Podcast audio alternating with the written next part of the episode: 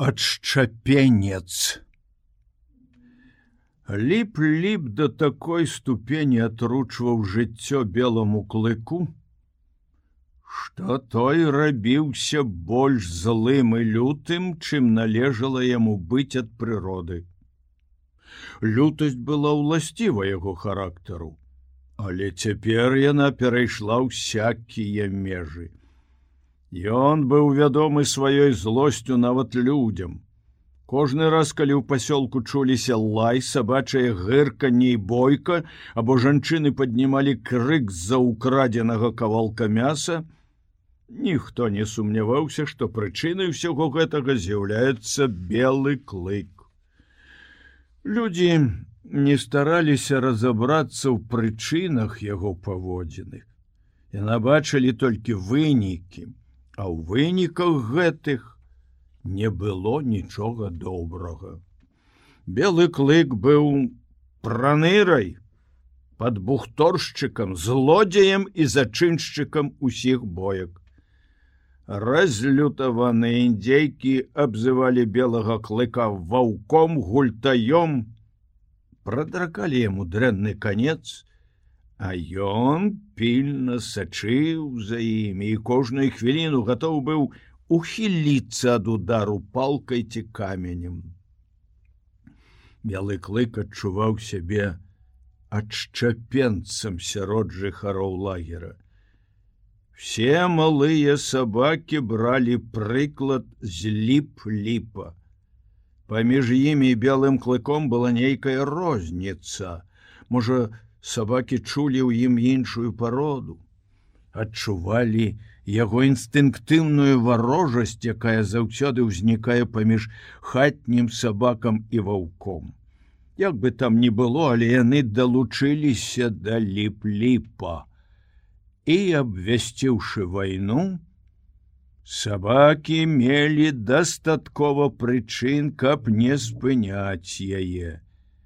Все яны пазнаёміліся з зубамі ваўчка і трэба аддаць справядлівасць белому клыку. Ён адплачваў сваім ворагам у сто разоў. Многіх сабак ён мог бы перамагчы ў бойцы адзін на адзін, але ў гэтым яму было адмоўлена. Пачатак кожнай такой бойкі з'яўляўся сігналам для ўсіх маладых сабак. Яны збягаліся з усяго пасёлка і накідаліся на белага клыка. Варожасць сабачай зграяй навучыла яго двум важным рэчам: адбівацца адразу ад усёй зграі і маючы справу з адным праціўнікам наносіць яму як мага большую колькасць ран у найкарацейшы тэрмін. Трымацца на нагах сярод наступаючых з усіх бакоў ворагаў значыла захаваць сабе жыццё. І белы клык уразумеў гэтую навуку дасканала. Ён умеў трымацца на нагах не горш за кошку. Нават дарослыя сабакі маглі колькі хочаш цясніць яго. Белы клык падаваўся ў бок, падскокваў, слізваў, і ўсё ж ногі не здраджвалі яму і цвёрда стаялі на зямлі. Перад кожнай бойкай сабакі звычайна захоўваюць пэўны рытуал. Рыкаюць, ходзяць адзін перад адным, поўсцю іх устае дыбарам. Але белы клык навучыўся абыходзіцца без гэтага. Всякое затрыманне пагражала з'яўленнем сабачай зграі. Сваю справу трэба рабіць хутка, затым уцякаць. І белы клык навучыўся не паказваць сваіх намераў. Ён кідаўся на ворага без усякага папярэджання і пачынаў кусаць, рваць яго, не даючы нават падрыхтавацца да бойкі. Такім чынам ён навучыўся наносіць праціўнікам нечаканыя і цяжкія раны. Апрача таго белы клык зразумеў, як важна застаць ворага з нянацку. трэба напасці на сабаку нечакана распароць яму плячо зубамі парваць на шматкі вуха перш чым ён паспее памятацца і тады вораг на палову пераможаны больш таго сабаку якога засталі знянацку зусім лёгка было збіць з ног. У гэтую хвіліну самае паражальнае месца ў яго на шыі з'яўляецца адкрытым. Белы клык ведаў гэтае месца. Веданне дасталося яму па спадчыне ад многіх пакаленняў ваўкоў. Нападаючы белы клык прытрымліваўся такой тактыкі па-першае подсцерагаў сабаку калі ён адзін. По-другое налятаў на яго нечакана і збіваў з ног. Па-трэцяе уядаўся яму зубамі ў горла. Белы клык быў яшчэ малады, яго неакрэплыя пашчэнкі не маглі наносіць смяртэльных удараў. Але ўсё ж не адзін шчанюк бегаў по пасёлку са слядамі яго зубоў на шыі. І неяк злавіўшы аднаго са сваіх ворагаў на ўскраі лесу, Ён ухітрыўся пасля некалькіх няўдалых спроб перакусіць яму горла і выпусціў з яго дух вон. У гэты вечар у лагеры ўзнялася метусня. Яго ўчынак заўважылі, і вестка аб ім дайшла да гаспадара з дохлага сабакі жанчыны прыпомнілі белому клыку ўсе ўкрадзеныя ім кавалкі мяса. Каля шэрага бобра сабраўся натоўп народу. Але ён рашуча закрыў уваход у вігвам, куды быў пасаджаны злачынец і адмовіўся выдаць яго сваім аднаплеменнікам. Белага клыка зненавідзелі і людзі і сабакі. У гэты перыяд жыцця ён не ведаў ні хвіліны спакою. Кожны сабака вышчараў на яго зубы. Кожны чалавек замахваўся на яго. Суродзічы сустракалі яго рыкам, багі праклёнамі і каменнем. Белы клык жыў напружаным жыццём, кожную хвіліну гатова напасці, адбіць напад або ўхіліцца ад нечаканага удару. Ён дзейнічаў імкліва і спакойна кідаўся на праціўніка, бліснуўшы клыкамі і зараз жа адскокваў назад з пагражальным рыкам. Што датычыць рыку, дык, Рыкаць ён умеў страшней за сабак і старых і маладых. Мэта рыкання засцерагчы або спалохаць ворага і трэба добра разбірацца ў тым, калі і пры якіх акалічнасцях трэба пускаць у ход гэты сродак. І белы клык ведаў гэта. У свой рык. Ён укладваў всю лютасць і злосць.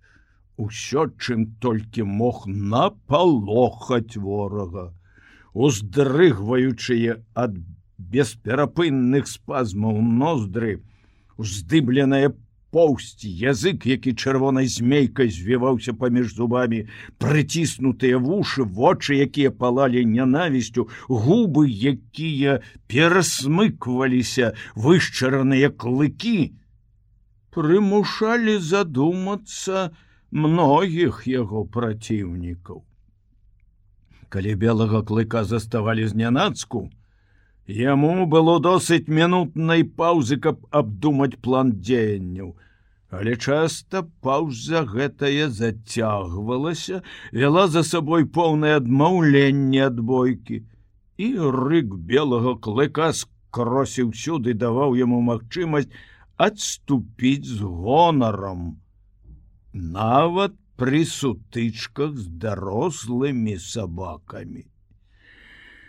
Выгнаўшы белага клыка са сваёй кампаніі, абвясціўшы яму вайну, маладыя сабакі тым самым паставілі сябе тварам да твару з яго злосцю і выключнай спрытнасцю і сілай. Справа павярнулася такім чынам, што забараніўшы белому клыку жыць у зграі, сабакі і самі не маглі адлучыцца ад яе ні на одну хвіліну. Белы клык не дапускаў гэтага. Маладыя сабакі ўвесь час чакалі яго нападу і не адважваліся бегаць паасобку. Все яны, за выключэннем ліп-ліпа, былі вымушаны трымацца з граяй, каб агульнымі намаганнямі абараняцца ад грознага праціўніка белага клыка. Адпраўляючыся ў адзіноцтве на бераг ракі, шчанюка бо ішоў на верную смерць, або напаўняў увесь лагер прарэзлівым віскам, уцякаючы ад ваўчка, які выскачыў з засады. Але белы клык помсціў сабакам нават пасля таго, як яны запомнілі раз і назаўсёды, што ім трэба трымацца з граяй. Ён нападаў на сабак, застаючы іх паасоб яны нападалі на яго ўсёй з граяй. Варта было сабакам убачыць белага клыка, як яны дружна кідаліся за ім у пагоню, і ваўчка выратоўвалі ў такіх выпадках толькі быстрыя ногі. Але гора таму сабаку, які, захапіўшыся праследаваннем, абганяў сваіх таварышаў. Белы клык навучыўся на ўсім скаку паварочвацца да праследавальніка, які бег наперадзе з граі і разрываў яго на кавалачкі, перш чым падаспявалі астатнія сабакі. Это здаралася вельмі часта, таму што ўзбуджаныя пагоняй за ворагам сабакі забывалі аб усім на свеце, а белы клык заўсёды захоўваў спакой. Увесь час азіраючыся назад, ён гатовы быў у любую хвіліну зрабіць на ўсім скаку куру круты паварот, кінуцца на вельмі заўзятага праследавальніка, які аддзяліўся ад зграі. У маладых сабак жыве непераможная патрэбнасць гульні. І ворагі белага клыка ажыццяўлялі гэтую патрэбнасць, ператвараючы вайну з ім у захапляючую забаву. Такім чынам паляванне за ваўчком было для іх самай любімай гульнёй. Праўда, гульнёй не жартаўліва і часам, смертельно небяспечнай, а белы клык, з якім ніхто з сабак не мог параўнацца быстрынёй ног, сваю чаргу не спыняўся перад рызыкай. У тыя дні, калі надзея на тое, што звернецца кіч, яшчэ не пакідала белага клыка. Ён часта заманьваў сабачую зграю суседні лес. Пагаўканню і выццю ваўчок вызначаў, дзе яны знаходзяцца. Сам жа ён бег моўчкі нібы цень слізгаючы паміж дрэў, як гэта рабілі яго бацька і маці. Апрача таго сувязь яго з лясной глушу была цяснейшая, чым у сабак. Ён лепш разумеў усе яе таямніцы выкруты.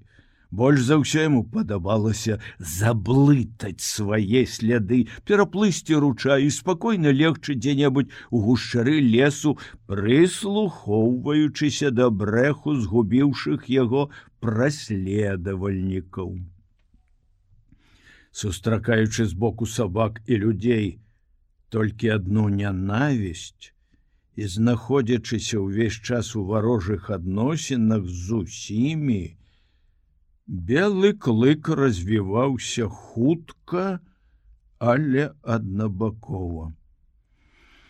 Такой абстаноўцы ў ім не маглі зарадзіцца недобрыя пачуцці, непатрэбнасць да ласкім Аб усім гэтым ён не меў ніякага разумення.